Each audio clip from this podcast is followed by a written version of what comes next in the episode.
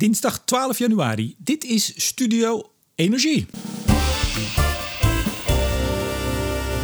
Met vandaag een nieuwe aflevering van Blik op olie en gas met senior energie-econoom bij ABN AMRO Hans van Kleef. Goeiedag.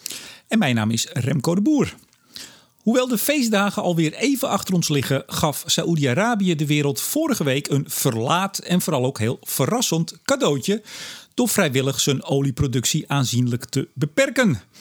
Achter dat gebaar zit een fascinerend spel op het mondiale energie-schaakbord. Een spel met vooral Rusland en de Verenigde Staten.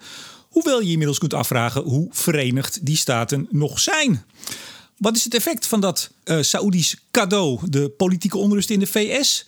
En in hoeverre en wanneer verwacht de markt effect van de coronavaccins? Over dat en nog veel meer praten we in deze aflevering van Blik op Olie en Gas. Hans, heb jij er een beetje zin in? Ik heb er zeker zin in. Laatste was 17 november. Er is gewoon, uh, nou ja, dat, oh, dat lijkt nog niet zo lang, maar er is gewoon een wereld. We zitten in een andere wereld, Hans. Ja, ja, en dan hebben we het niet alleen over olie en gas, maar ik denk dat je ook op de VS doelt nu. Ik, ik dacht het wel. Uh, bestaat die eigenlijk nog? Ik weet niet. Uh, als we dit uitzenden morgen, je weet het niet, Hans. Je weet het niet. Nee, je weet het niet. Ik, ik zag gisteravond een, een, een filmpje van uh, onze grote vriend Arnold Schwarzenegger. Je weet wel. en en nou, die, die kwam best wel met een mooie speech. En goed, hij is republikein, dus dat, dat biedt toch enige hoop dat, dat, dat het wel weer een beetje overwaait. Maar het blijft wel angstig om te zien hoe dat allemaal gebeurt, vind ik. I'll be back. Wat zegt hij ook alweer? Ja, zoiets. Nou, maar ik, ik heb wat serieuze commentaren gelezen. Uh, oh. Met alle respect, meneer Schwarzenegger. Maar als je toch ziet hoeveel uh, republikeinen er nog achter staan... en misschien niet letterlijk achter Trump, maar wel achter het eigenlijk uh, wegwuiven van de verkiezingsuitslag. Dat zag je nog na die bestorming. Hè? Ik geloof dat er 120 uh, afgevaardigden eigenlijk ja, hebben gestemd om die uitslag in ieder geval niet te aanvaarden. Ja. Als je ook ziet nu hoe, hoe afvalligen, zoals gezien worden, worden uitgejouwd in vliegtuigen en op vliegvelden, et cetera. Het is echt een totale puinhoop, Hans. Ja, dit is het voorbeeld van democratie. Ja, dat is dan het optimistische nieuws. Zeg, hey, uh, jij en, en Jilles, jullie timmeren weer lekker aan de weg in de publiciteit. Hè? Ik zag jullie bij RTL Z uh, samen, althans uh, in geschreven vorm, ja. de zaken duiden. Ik zag jou weer bij in NRC. Hebben jullie nog wel, wel tijd om gewoon je werk te doen, of niet? Dit is mijn werk. dus, nee, maar goed, het is, is, kijk, ik, ik volg natuurlijk die hele energiemarkt. en als je daarmee uh, ja, dat, dat kan, kan helpen om te duiden in, in, in de media. Uh, kijk, eh, mijn primaire doel is natuurlijk richting de bank en richting mijn klanten. Maar als ik daar de media ook mee kan bedienen, ja, waarom niet? Prima. Ja, ja ik, ik heb ook echt iedere dag media aan de deur van... mogen we alsjeblieft Hans en Jilles, mogen we die lenen? ik zeg, nou natuurlijk. Ja, ja, ik geloof je bijna. hey, hoeveel flessen wijn heb jij gewonnen of verloren... met jouw, jouw raming van de olieprijs 31 december? Geen. Niks? nee, maar dat, dat, ligt niet aan, aan, het feit dat mijn weddenschappen nou zo slecht waren. Maar meer aan het feit dat die er simpelweg niet waren. Uh, dat is het, het, nadeel van thuiswerken. Ja, je komt verrekt te weinig mensen tegen, hier in het binnen tenminste, om, uh, om, om, wat mee af te spreken. En, uh, en eerlijk gezegd is, is dat sowieso altijd maar een, een grapje om te kijken van hoe, ja, hoe, hoe, hoe, verschillende visies. Maar dat ja, nee, dus geen, geen wijn deze keer. Maar over maar het, ik begrijp dat je een weddenschap wil afsluiten voor nou, dit jaar. Nou, nee, maar even over het grapje oh. gesproken. Nee, we komen even terug natuurlijk op jouw raming. Uh, maart vorig jaar, oh, toen alle ellende begon. ja, ja. Dat had je wel even mogen zeggen. Uh, toen alle ellende begon, maart vorig jaar. Wat raamde jij toen voor uh, 31 december olieprijs? jeetje, dit is slecht voorbereid, zeg. Ik, ik zoek hem er even bij. Zal ik het zeggen? Jij zou oh, aan... hem daar? Ja, natuurlijk. Ik bereid het wel voor. Ja, weet ik wel dat je ineens gaat terugkijken. Um, uh, aan het eind van, twee... eind van het jaar. Sorry? Ik had 55 staan in januari. Kan ja, dat? januari. Maar in maart had je 45 staan. Oh, nou, daar zijn we ook geweest. Ja, toch? In uh, eind november nog staat op 45. Ik wou maar zeggen, volgens mij zat je niet zo slecht met alle mondiale ellende. Nee, maar ja, goed, ik, ik, ik vind, ik, en dat is altijd met prijsvoorspellingen. het is belangrijk om, om de boel te duiden, maar het blijft een fotomoment. En er is natuurlijk best wel het een en ander gebeurd. We hebben ondertussen prijzen gezien van min 40. Uh, we hebben op plus 70 gestaan aan het begin van het jaar. Ja, dan wil ik niet te, te, veel afzwakken natuurlijk. Misschien moet ik gewoon een compliment maar aannemen. Dankjewel. Ik wou net zeggen, je, je, je, had, het toch, je had het toch vrij goed. Nee, maar met, met, met dit, uh, er is toch bijna niks uh, anders te voorspellen? Ik bedoel, het is bijna niet te voorspellen. Nee, klopt. Nou goed, en dat, is, dat hebben we natuurlijk vaker over gehad. Wat je, wat je doet is probeert de, de, de, situatie op dat moment te duiden. En die is natuurlijk van de zomer wel ineens heel anders geweest. Kijk, begin maart zat ik misschien niet helemaal goed toen die prijzen zo hard omlaag vielen. Nou, daarna hebben we het denk ik redelijk goed gezien. Maar ook op dit moment, maar daar komen we vast zo nog wel over te spreken... heb ik toch mijn visie weer ietsje bijgepast of aangepast voor, voor de komende twee kwartalen. Want ja, als je kijkt waar de prijs nu staat... Ten opzichte waar die zou moeten staan, volgens mij, ja, zitten, zitten wat aan de hoge kant. Maar daar komen we zo dadelijk vast nog op. Ja, en dan nu over het uh, cadeau van de Saoedi's. En mochten mensen denken, hey, het lijkt wel of de stem iets anders klinkt. we hebben zojuist even 10 minuten pauze gehad, want ik kon mijn computer niet meer in, Hans. Ik schrok me helemaal rot. Ja, dat is niet handig.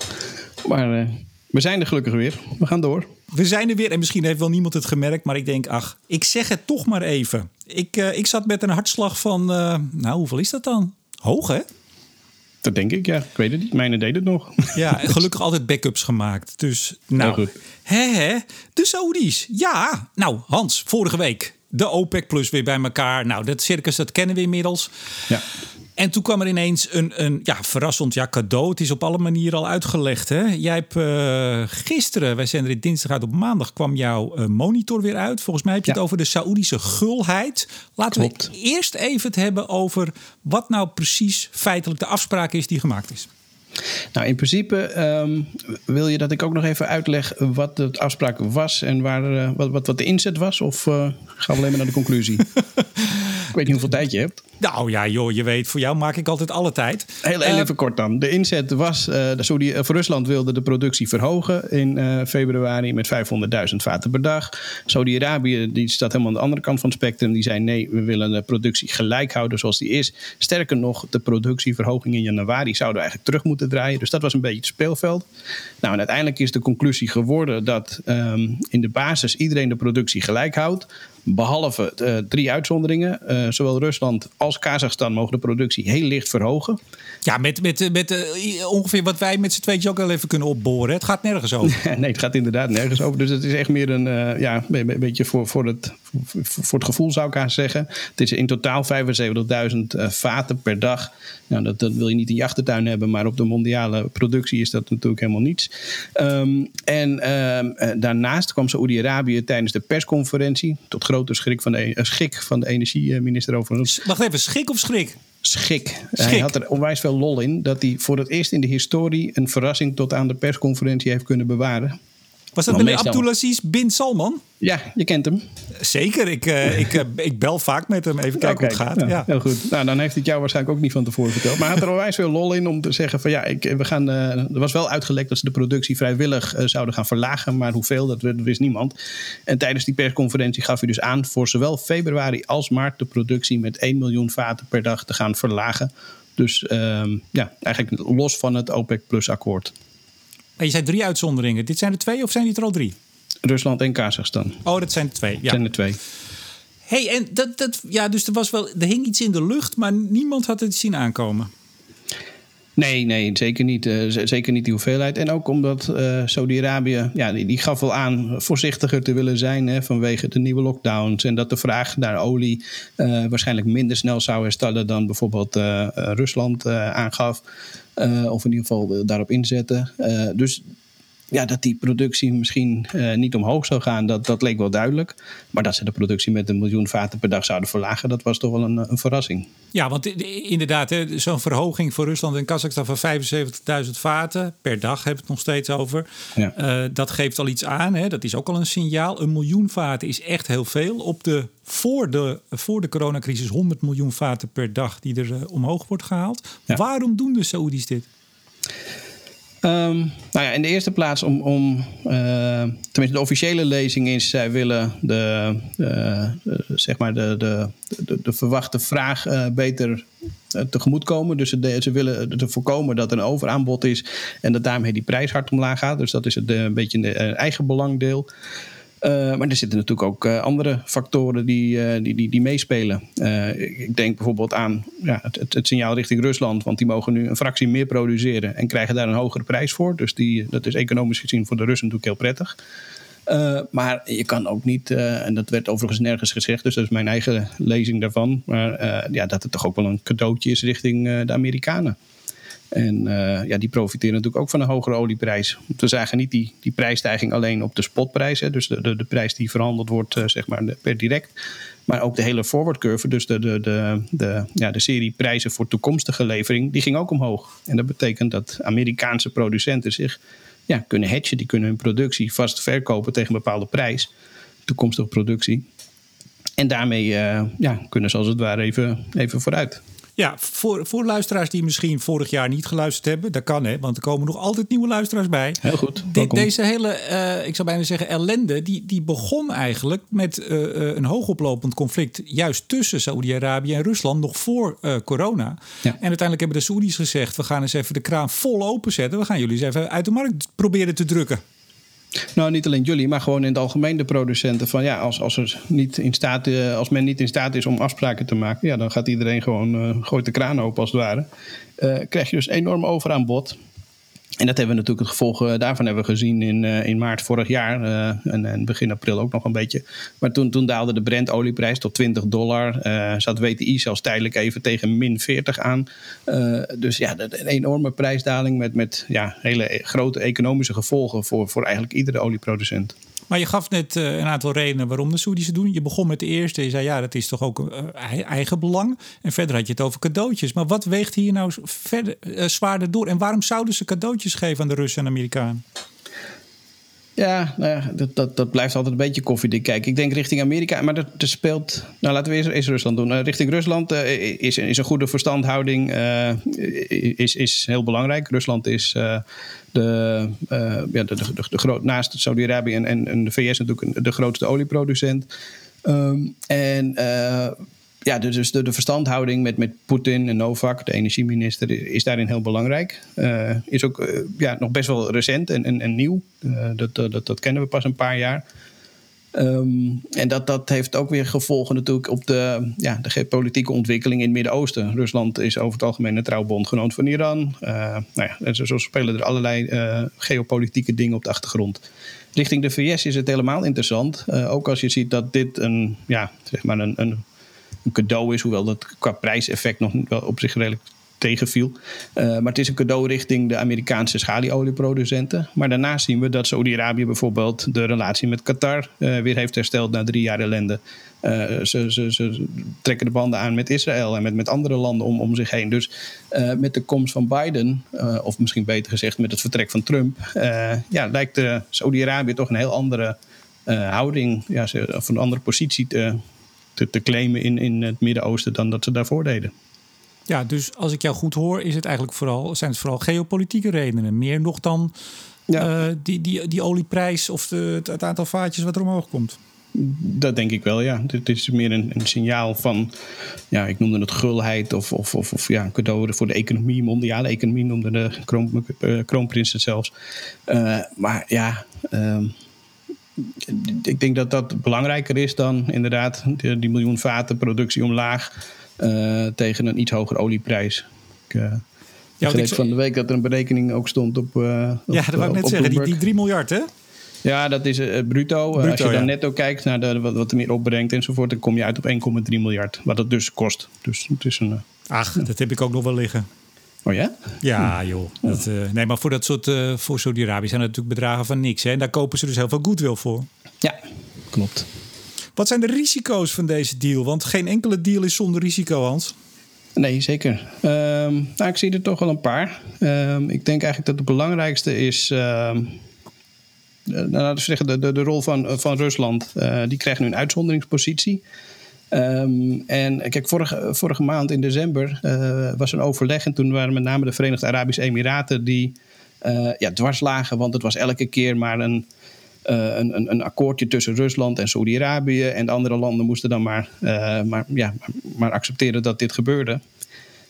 en ik, ik ik, ik denk, en, en ja, dan zou je dus verwachten van nou, we zoeken meer, meer, ja, meer, meer eenheid in het, in het hele OPEC Plus overleg. En prompt het eerste overleg wat je ziet, uh, krijgt Rusland een andere status dan de rest. En, en ik denk dat dat voor de eenheid van OPEC Plus best wel een risico kan vormen voor de komende periode.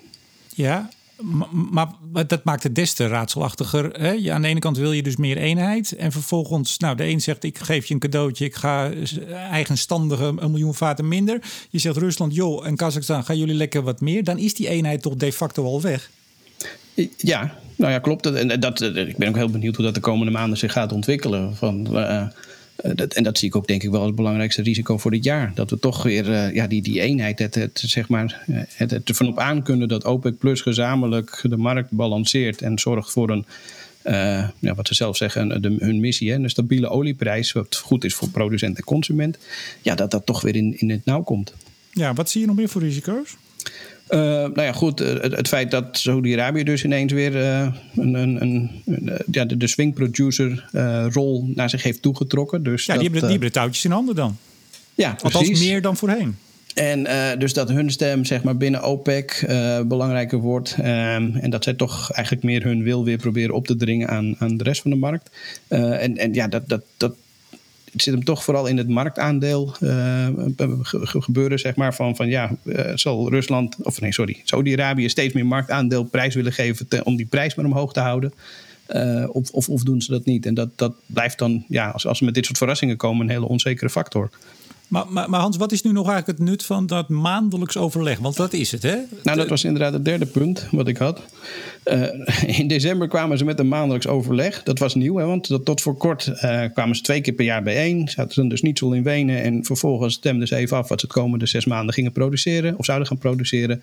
Uh, nou, dat, dat werd al, omdat ze ook met een technisch comité werkt. Die kijkt of iedereen zich aan de afspraak houdt. Dat ging al eens in het kwartaal. Dus dat werd al ietsje dichter bij elkaar. Nou, en in december zeiden ze nee, de marktsituatie vereist uh, dat we maandelijks gaan overleggen en maandelijks kunnen bijstellen. Nou, vervolgens zie je dus nu dat ze een afspraak maken voor februari en maart. Dus die hele maandelijkse afstemming, ja, die, die, die is eigenlijk alweer overboord gegooid. Uh, en, en dat zorgt ook voor onzekerheid. Want wat betekenen de afspraken die nu gemaakt zijn uh, voor februari en maart? Kunnen we die dan in februari alsnog bijstellen of niet? En, en dus het, het, gaat allemaal, ja, laten we zeggen, communicatief is het nou niet super sterk. Uh, en dat gaat dus gepaard met onzekerheid. En onzekerheid in financiële markten, dat, uh, dat, dat werkt over het algemeen niet heel prettig samen. Ja, maar, maar, Hans, ook afgelopen jaar, dus voordat er dan officieel was afgesproken dat het maandelijks ging gebeuren, gebeurde het eigenlijk toch ook al uh, zodra het nodig was. Dat, dat gaf toch ook al in die zin, ja, je kan zeggen onzekerheid. Je kan ook zeggen, er was zekerheid dat op het moment dat de nood aan de man was, dat ze elkaar vonden en nieuwe afspraken gingen maken.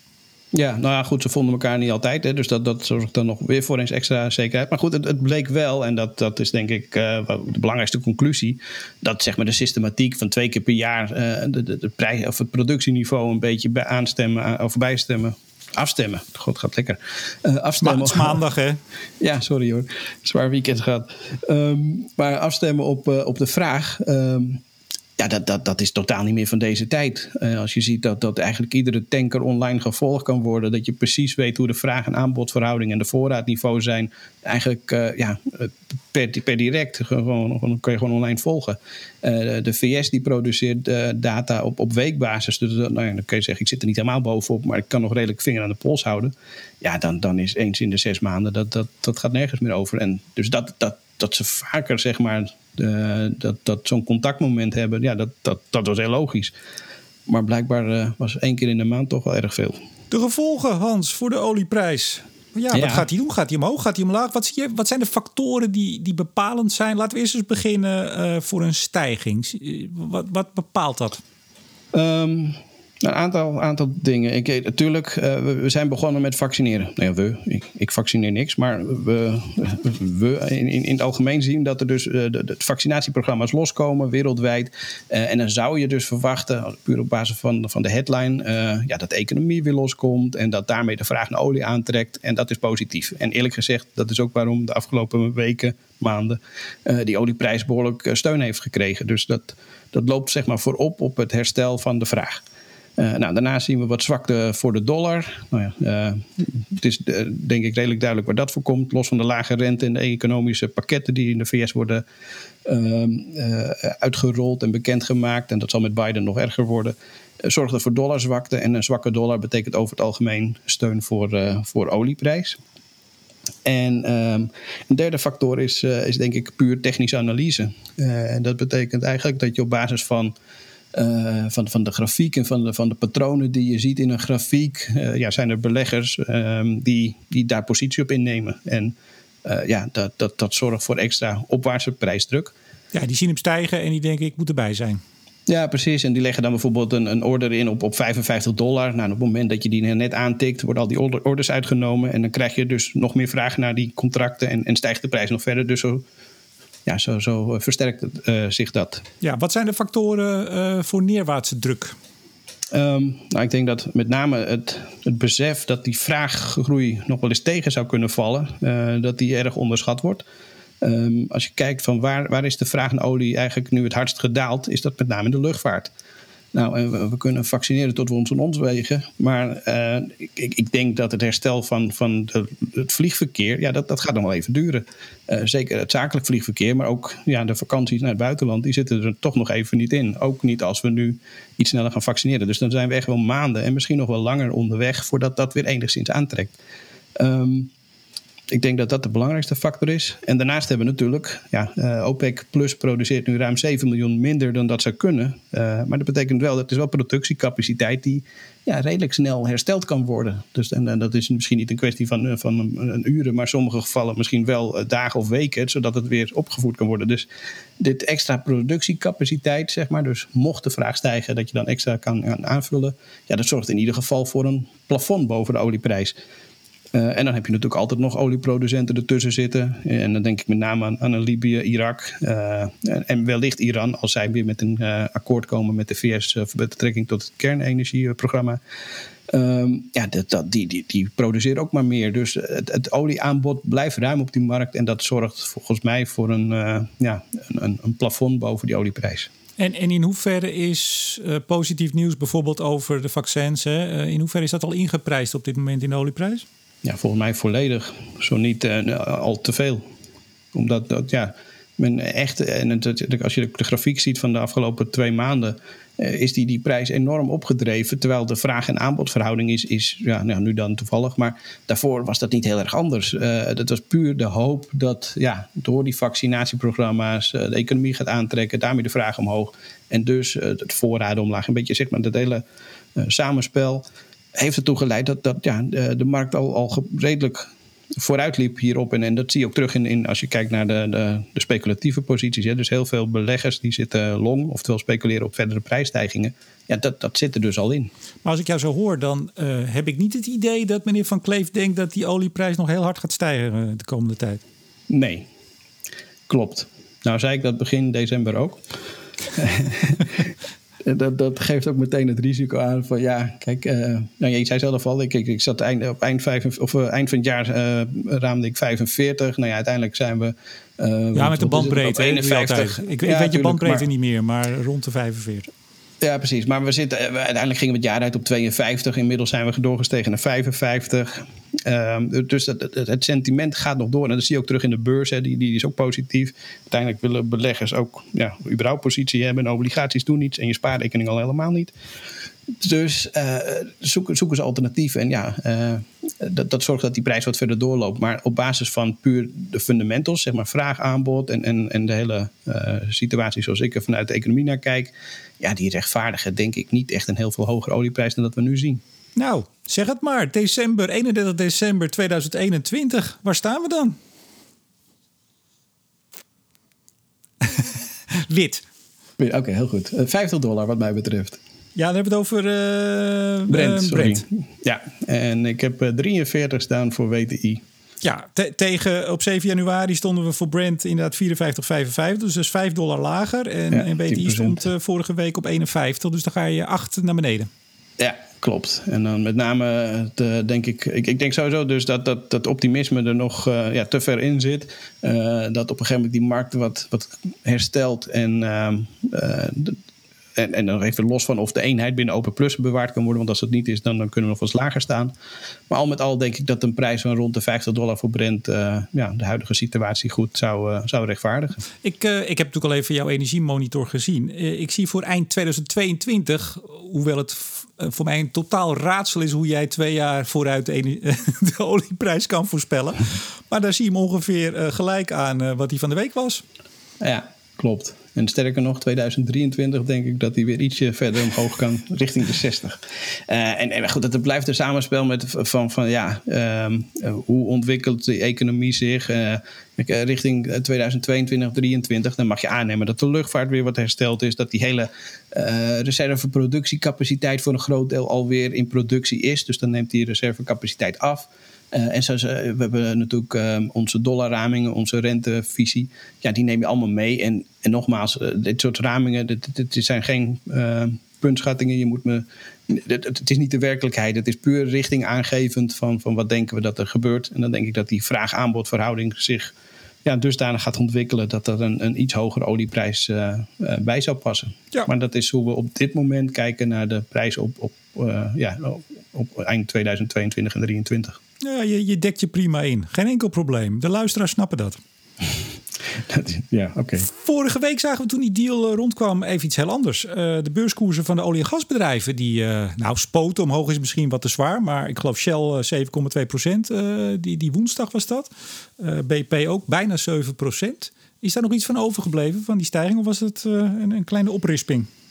Oh jee, uh, ik, ik, zou het je niet kunnen vertellen. Ik heb, het, is jou, het is jouw vak eigenlijk helemaal... Van, van indekken, ik, ik ben geen aandelenanalist. Ik zag inderdaad, of ik hoorde dat, dat die prijzen behoorlijk omhoog gingen. Nou, dat is op zich ook logisch, want ze reageren... of tenminste de correlatie met de olieprijs is altijd heel erg sterk.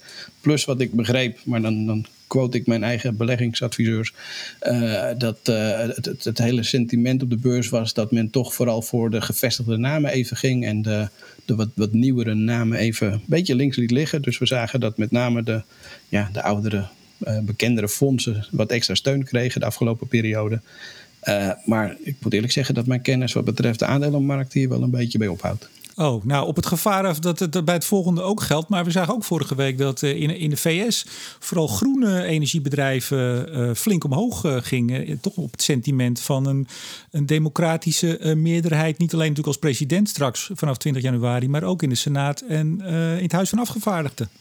Nee, maar dat is denk ik ook logisch. Ik bedoel, Biden heeft aangekondigd dat hij 2 triljoen dollar die, ja, wil, wil gaan investeren in de komende periode.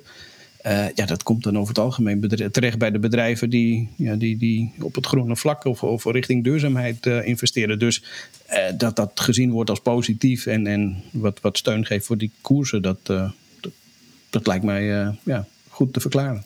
Zag jij vorige week op de olie- en gasmarkt effect van de bestorming van het kapitaal? Nee, weinig. Is dat nou niet raar? Of is dit nou een hele stomme lekenvraag, Hans? Nee, dat laatste zou ik nooit zeggen. En uh, ik, ik, ik denk niet dat dat raar is, eerlijk gezegd. Uh, dat, dat, dat er een paar van die. Nou, laat ik het netjes zeggen. Dat er een paar mensen dat de kapitool binnenstorten. Uh, en, en daar de democratie. Binnenlandse terroristen worden ze genoemd in Amerika, Hans. Oh, kijk. Nou, heel goed. Maar ja, ja. hoe dat ook. Maar Domestic terrorists. Kijk, ja. Maar dat, die, die, die, die, kijk, als ze nou een, de, de, de olieproductie hadden platgelegd, dan is het een ander verhaal. Maar dat, dat gebeurt natuurlijk niet direct. Dus, uh, nee, waarschijnlijk ook omdat heel veel van die jongens erin werken. Dat zou heel goed kunnen. Ik, zit hier maar gewoon wat voor mezelf uit te fantaseren, dames en heren. Hier moet u niet naar luisteren naar deze gekke commentaren van mij. hey, maar, dus, nee, maar dat is toch wel gek. Want ik geloof ook de, de, eh, de beursindex deed ook eigenlijk niks. Nee, er was er een niet, aanval. de dollar niet. En, uh, en eigenlijk, en dat is denk ik ook wel uh, ja, inherent aan het feit dat de financiële markten dan vooral kijken van ja, betekent dit iets? De, de kans dat door deze bestorming Trump ineens wel op die stoel zou blijven zitten was nou, ongeveer gelijk aan nul. Uh, en daarmee uh, ja, is, is, is, is het eigenlijk niet zo relevant. Of in zoverre, het directe effect is niet zo relevant. Nou ja, ik, bedoel, ik lees ook wat commentaren in de, in de Amerikaanse pers. Maar nou ja, goed, we hadden het er net al even over. Ja, ik, ik ben er wel, wel somber over. Want het, het, het lijkt nu een beetje van, nou ja, hij gaat... Uh, kicking en screaming naar de uitgang. Maar er staat natuurlijk een heel, uh, een heel apparaat achter. En ik geloof uh, iets van 30 miljoen uh, kiezers die nog steeds uh, erachter staan. Hè? Ja. van de, ik geloof van de 74 miljoen die hij er heeft gehaald, is nog een fors deel die blijft volhouden dat de, de overwinning hem bestolen is. En dat is toch een heel fors deel van het electoraat. Ja, ja het, is, het is bijzonder om te zien. Nou, laten wij dan snel naar een uh, misschien wel uh, ik was zeggen, hoop, hoopvoller ontwikkeling gaan. De gasprijs. Hoe staat het met aardgas? Ja, die, die zijn behoorlijk omhoog gegaan. Maar goed, ik weet niet of jij buiten bent geweest de afgelopen dagen, maar het was behoorlijk fris hier. Ik was vanochtend naar de tandarts. Vond je ah. het interesseert? Oké, nou, en het was koud. Ik ben nog niet buiten geweest vandaag. Maar... Het, het was best fris, ja. Nou, precies. En dat, uh, dat zorgt er ook voor dat er meer vraag naar gas is. In ieder geval voor de komende periode. En ik begreep ook als ik naar de weersdingen uh, in mijn Bloomberg-scherm kijk. Dat, dat de komende week ook beneden gemiddeld blijft. Dus dat zorgt over het algemeen voor een positieve impuls voor de korte termijn gasprijs. Um, en, dat zien we ook terug in de prijzen. Als we kijken, nou, je bent altijd in, geïnteresseerd in die phone natuurlijk. Uh, voor, de, voor de komende maand, TTF, de, de, de Nederlandse gasprijs 21,70 euro. Uh, terwijl als we naar het jaarcontract kijken, zitten we op 16,5. Uh, en dat is wel enige tijd terug dat de korte termijn prijzen uh, zoveel gestegen zijn ten opzichte van de jaarprijs. En dat, ja, dat is. Nou ja, dat is vaak een vertaling van, van, de, van, van weeromstandigheden in combinatie met, uh, uh, met de ontwikkeling op de mondiale markt. Waar we zien dat in Azië de vraag naar LNG bijvoorbeeld behoorlijk is gestegen komt dus automatisch ook minder LNG naar Europa. Uh, en, en dat alles zorgt dus voor, uh, voor steun voor die gasprijzen. Tot, tot, slot, of bijna tot slot, de CO2-prijs. Uh, 30 december, ene laatste dag van het jaar, tikte die een, een nieuw record aan. 33 euro. Ik begreep van jou voor de uitzending dat hij nu ja. op 35 staat. Bijna, hij loopt te flirten. Kijk eens aan, hij loopt te flirten. Nou, dat is, dat is altijd mooi. Ben ik, ben ik ontzettend fan van, van flirten. Um, dat is eigenlijk helemaal niet waar. Ik, ik denk, wat, wat klets ik nou? Het is de eerste van het jaar, Hans. Ik, ik, ik merk het bij mezelf wel. Ja, je zit er lekker in. Zeg ik eerlijk. Ja. hey, maar even. Er was nee, 35, 35 euro. Kijk, Klopt. Maar dat is natuurlijk wel best wel gek. Zeker eind vorig jaar, maar daar zitten we nog steeds in. We hebben dus uh, nou, teruggang in, in energieproductie uh, onder meer. We hebben teruggang in de industriële productie. Twee takken waar de, de ETS-rechten uh, van toepassing zijn. Dus ja. er, is eigenlijk, er zijn eigenlijk meer rechten, kun je even zeggen, op de markt. Uh, en toch stijgt de prijs. Hoe kan dat? Ja, sowieso. Er waren een paar weken waarbij er geen veiling van die rechten plaatsvindt. Dus dat betekent dat mensen misschien ja, vooruitlopen op, op, dat, uh, uh, op het feit dat ze ze niet op dat moment kunnen kopen. Dus dat ze alvast van tevoren kopen. Dus dat geeft een extra op, opwaartse druk. Uh, en ik denk ook dat toch, uh, als je kijkt meer naar het speculatiedeel, uh, dat dat er ook een deel in zit. Dus dat, dat er mensen zijn, gelukkig nog niet zo gek als bij Bitcoin. maar ja, die denken van die prijs stijgt. als je kijkt naar het Europese beleid um, en, en het feit dat het een instrument is waarbij ja, de liquiditeit op termijn afneemt. Hè. Er komen natuurlijk steeds minder rechten beschikbaar. Dus dan zou je verwachten, het is een opwaartse prijsdruk voor, voor de komende jaren. Uh, ja, uh, toch mensen die in het kader van alternatieve beleggingen uh, misschien daarin positie nemen. En, en, en dus die prijs verder opdrukken. Maar is dit niet misschien, of, of ga ik dan te ver, het bewijs dat het Europese klimaatbeleid werkt? Mm. Oftewel nou, dat men verwacht dat die rechten, uh, nou die worden steeds schaarser, dat weten we. Het gaat langzaam, maar ja. het gebeurt wel. En dat men dus denkt, nou in plaats van dat ik ze nu uh, uh, verkoop, ik hou ze wel, want dan heb ik ze voor een zacht prijsje. Als ik zo vijf jaar, als die prijs 60, 60 euro is, ik zeg maar wat. Ja, ja, ja, maar goed, ik denk dat je daar een onderscheid moet maken tussen uh, beleggers en, en de partijen die ook echt die rechten nodig hebben om een uitstoot zeg maar, te, te compenseren. Nou, met die laatste te beginnen, ja, die, die kunnen natuurlijk van, een, van het moment gebruik maken op het moment dat die prijs relatief laag is. Om, om zich vast, ja, zeg maar de rechten vast aan te schaffen voor een later moment. Um, maar ik, ik denk eerlijk gezegd dat de laatste weken toch vooral. Nou, met name die, die opwaartse druk door vanwege marktspeculatie komt. Uh, ja, dan kunnen we zeggen, dan heb je twee soorten beleggers. Lange termijn die inderdaad zeggen, ik koop nu op op 30 en ik verkoop over een tijdje op 60. Uh, als we daar überhaupt komen. Um, maar ik, ik, verwacht dat dat aandeel ook relatief klein is, eerlijk gezegd. Um, en, en je hebt natuurlijk ja, de, de korte termijn belegger. Dus die, die, koopt, die, die, die, wil eigenlijk korte ritjes. Dus dan is 10% ook al mooi. Uh, als je dat in, in, een paar weken kan, kan zien. En dat zullen we de komende ja, paar weken moeten zien. Of, of, of dat, dat prijseffect doorzet. Of dat het toch weer wat normaliseert en, en weer wat omlaag gaat. Ik, ik, ik blijf het een lastige vinden hoor, moet ik eerlijk zeggen. Het is toch een een, een, een, wat dat betreft een raar instrument of een ander instrument op de financiële markten dan, dan een olieprijs. En natuurlijk, het heeft alle twee politieke, dan wel geopolitieke um, effecten. Maar ja, het, is, dit, dit, blijft wel lastig. Ja. Heb, heb jij eigenlijk zicht op in hoeverre uh, energiebedrijven, de Eneco's, de Vattenfalls van deze wereld en, en industriële bedrijven uh, eigen mensen hebben zitten die steeds meer uh, handelaren worden in rechten? Of is het een beetje bijzaak? hoe, hoe, zie jij daar? Heb jij daar zicht op? Uh, nou, niet, niet direct. Ik, ik, ik, ik weet en ik, ik, kan me ook heel goed voorstellen dat, dat de grote partijen die hebben uh, handelsdesks, waarbij ze natuurlijk sowieso op, op, op, uh, op de energiemarkt handelen. En, en daar is, zijn die, dit soort rechten natuurlijk onderdeel van. Ehm, maar in hoeverre ze daar, laten we zeggen, speculatieve posities innemen of puur aankopen voor wat ze in de toekomst nodig hebben, dat, dat, dat durf ik niet te zeggen. Vooruitblik. Heb jij nog leuke dingen in het verschiet? Nou, ik, ik kwam er net achter dat ik me iets minder goed had voorbereid dan, dan, dan zou moeten wellicht. Deze vraag kun je natuurlijk aan zien komen. Maar los van de maandrapporten en... en uh, nee, heb ik nu even 1, 2, 3 niet staan. Nee, ja, je dakkapel zit erop. Dus volgens mij in het, in het eigen huis is het ook wel klaar, hè? Inmiddels. Nee, zeker niet. Ja, de dakkapel zit er wel op. Maar ik ben uh, druk aan het isoleren. En uh, ach jee, dat, uh, nou, ja, je, je, je, kan niet zoveel, dus ik doe het maar zelf. Wacht even, dat klinkt heel raar. Maar je kan niet zoveel andere dingen doen, dus doe ik dit. Um, en, uh, maar dat moet natuurlijk wel in de, in de uurtjes tussendoor door gebeuren. Dus dat, uh, dat, dat, gaat niet zo snel. Maar het gaat, het gaat wel. Nou, ik, ik heb eigenlijk ook niks voor de vooruitblik. Nou, nou ja, ik, ik heb in maart weer wat leuke uh, uh, online optredens in het verschiet. Onder andere het industriedebat voor managementproducties, waar ik laatst ook de CO2-conferentie voor gedaan heb. Dat is heel erg leuk. Ja. Er komt nog een ander verkiezingsdebat aan, maar goed, het is allemaal in maart. En verder ben ik zelf heel druk bezig met mijn, mijn nieuwe boek. Ja. Ja, dat is. is er dan man, dat, is, dat is een werkman, Hans. Ja, ik weet het niet. Ik Ach, dat is een werk. Geschreven.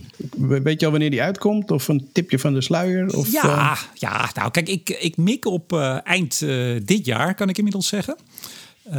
ik hoop hem in de, in de kerst, onder de kerstboom te kunnen leggen. je hoort al, er zit een licht, licht volbe volbehoud. Ik lijk Hans ja. van Kleef wel met de olieprijs. Ja. Um, ja, en het gaat over uh, eigenlijk de lessen uit het uh, Nederlandse energie- en klimaatbeleid. En uh, die, die, ja, die trek ik op basis van, ja, van heel veel research uiteraard naar hoe het de afgelopen jaren nou gegaan is. En, maar die lessen, daar zijn we toch nooit uitgeleerd? Kunnen, nee. met, met, elke verkiezing en, en elk debat, zeg maar, komt er weer een nieuw hoofdstuk bij. Dus. Ja, nee, maar dat, daar kun je op een gegeven moment wel een beetje een stop zetten natuurlijk. Ja. Um, en het is, ja, het, is, het is fascinerend. En mensen die mij een beetje volgen, die hebben natuurlijk wel eens wat van me gelezen in het FD of op Twitter of, of bij BNR nog uh, tot uh, medio dit jaar, of afgelopen jaar. Ja, het is, het is fascinerend om te zien uh, hoe, en zo vat ik het altijd maar even kort samen, we in een land leven dat, uh, waar, waar, heel veel politieke partijen, maar ook allerlei bewegingen, uh, NGO's en noem maar op, uh, pleiten voor uh, uh, snelheid, voor hogere doelen en nog hogere doelen. En hoe we dan vervolgens, nou één voor één, alle middelen die ons ter beschikking staan om die doelen te halen, dat we die afschieten. En als je dat op een rijtje zet en daar echt reconstructies van maakt, waar ik nu mee bezig ben, op verschillende domeinen, verschillende energiebronnen, maar ook op beleidsterreinen. Ja, ik, ik heb af en toe echt dat ik, nou ja, mijn dame werkt ook thuis al vanaf maart vorig jaar. Uh, af en toe loop ik even, bij, als we een kopje thee drinken, dan zit ik even met, uh, met mijn hoofd te scheuren. Dat je af en toe denkt, mijn hemel. Ja, hoe, hoe, kan, hoe, hoe, kan dit? Hoe kon dit? En uh, gaan we hier ooit nog uitkomen? Dat we dat zou, zou je dan doen? kunnen zeggen dat de overeenkomst met de VS, om te begonnen mee, dus misschien mooi afsluiter ook, uh, dat, dat er zeg maar naast de werkelijke wereld ook nog een soort van denkbeeldige slash virtuele wereld is. Zou je die link ook kunnen leggen naar de energiemarkt? Of in ieder geval het debat hier in Nederland? Ja, hoewel ik daar meteen natuurlijk bij zeg dat het uh, verder niet op geen enkele wijze te vergelijken is met wat er in Amerika gebeurt. Hè. Dat, dat voorbehoud wil ik uh, meteen maken. Hè. Dat, we zien daar natuurlijk hele andere en hele enge ontwikkelingen. Maar inderdaad, het, het bestaan van, ja, je zou het bijna kunnen zeggen, een, een parallele werkelijkheid. En het, het, feit dat feiten, uh, waarvan je toch zou kunnen zeggen, even los van wat we er van die feiten vinden, laten we nou overeenstemming hebben over die feiten. Ja, ja dat is ook soms uh, uh, er niet. En dan wordt het wel heel erg lastig. en dat is dan een understatement. Tot zover. Deze aflevering van Blik op olie en gas met senior energie-econoom bij ABN AMRO Hans van Kleef. Dankjewel weer. En mijn naam is Remco de Boer. Graag tot de volgende keer.